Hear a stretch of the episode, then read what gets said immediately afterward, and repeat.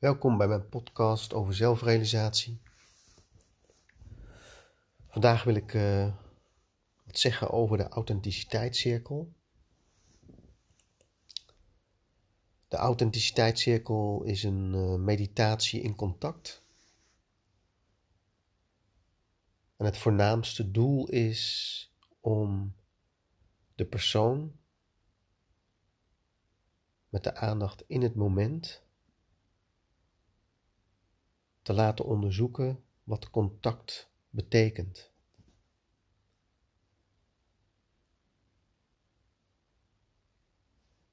Want wanneer die persoonlijke impuls zichzelf helemaal kan verwoorden, er kan zijn in een groep met mensen, valt er een enorme spanning weg.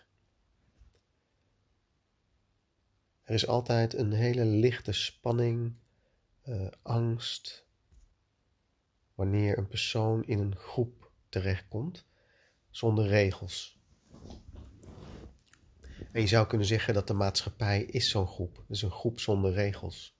Soms lijkt het alsof er heel veel regels zijn. Maar die zijn er ook, maar die zijn er zoveel dat het, dat het eigenlijk geen regels meer zijn. En wanneer je met de aandacht in het lichaam bent en vanuit daar deelneemt aan een groep of aan de maatschappij, krijgt het een hele goede basis, gronding. Dat is wat we met name oefenen. En er zit een kern in.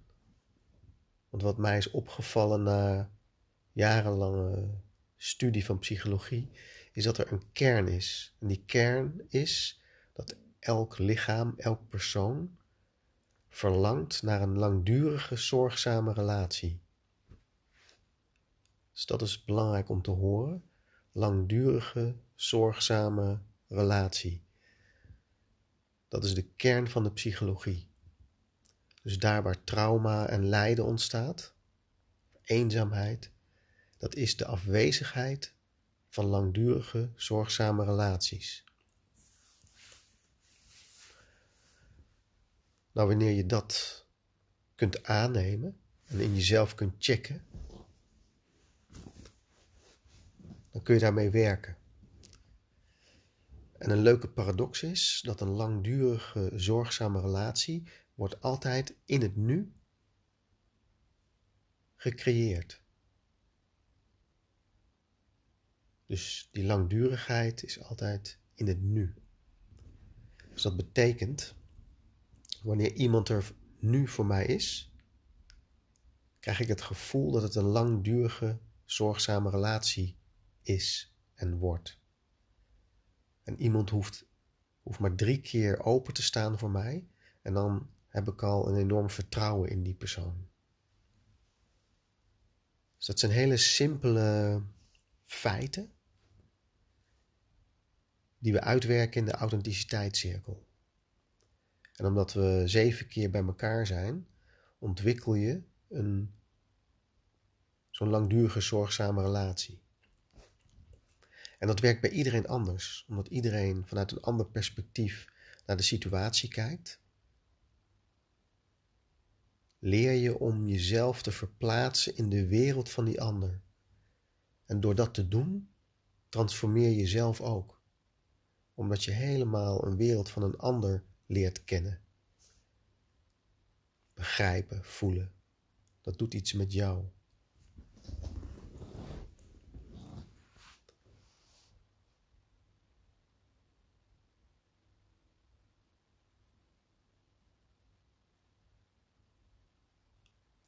We oefenen in de cirkel met uh, twee instrumenten. Eén instrument is uh, vijf pijlers. Die vijf pijlers, dat is tegelijk een meetlat voor je zorgzame relaties. Dat betekent, wanneer er een relatie in je leven is die niet goed is, die niet goed voelt of waar ruzie is, dan mist er één van die vijf pijlers. Dus het is een heel praktische meetlat waar we ook steeds naar gaan kijken. Hé, hey, van welke pijler mist er nu in dit moment in contact met deze persoon? En een ander instrument zijn de zeven stadia, die een gesprek of een groepsproces doorloopt om diepgang te maken. Misschien ken je het wel dat op feestjes of op werk dat er altijd een bepaalde oppervlakkigheid is. En die kun je doorbreken als je dat zou willen. En daar zijn zeven stadia voor. En als je die volgt, ontstaat er vanzelf diepgang en daardoor meer contact. Dus wat we oefenen in die cirkel is meer levendigheid en meer contact.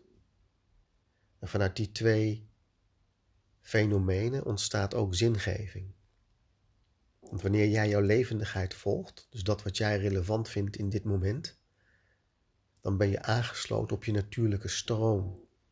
Je zou kunnen zeggen je ziel of je logos. Dus die innerlijke impuls volgen in de groep en met name ook verwoorden en showing up, geeft jou een gevoel van waarde en zingeving. En als je nog verder kijkt, dan kun je zeggen dat is aangesloten op de evolutie, op de groei van de in, het individu en de groep. Dus het heeft een hele diepe werking en je kan daar ja, eindeloos in verdiepen en groeien. Terwijl je ook jezelf kunt ervaren als tijdloos, ruimteloos, leegte, liefde, bewustzijn, het absolute, waar helemaal geen verandering is, geen groei. Dus die twee aspecten, die oefenen we ook in de cirkel. Hoe is het om in een groep mensen te zijn wanneer je jezelf ervaart als stilte? Kun je jezelf toestemming geven om in die stilte te verblijven. En bijvoorbeeld niks te zeggen. En er toch te zijn.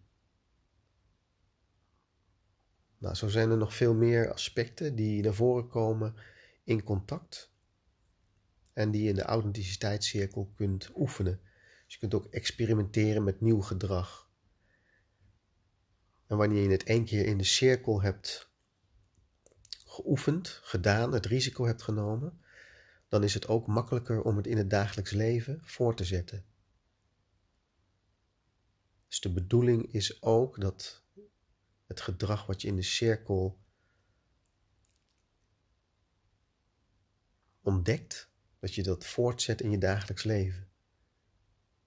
Dan wordt het één geheel.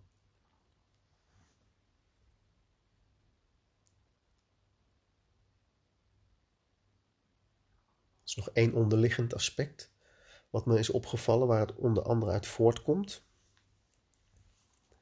Is dat wanneer die persoon er helemaal kan zijn in het moment, dan valt ook die innerlijke strijd weg. En als die innerlijke strijd wegvalt, kun je jezelf ook weer makkelijker realiseren als essentie of het absolute. Dus het heeft ook die werking. Door de persoon er helemaal te laten zijn, is zelfrealisatie ook makkelijker.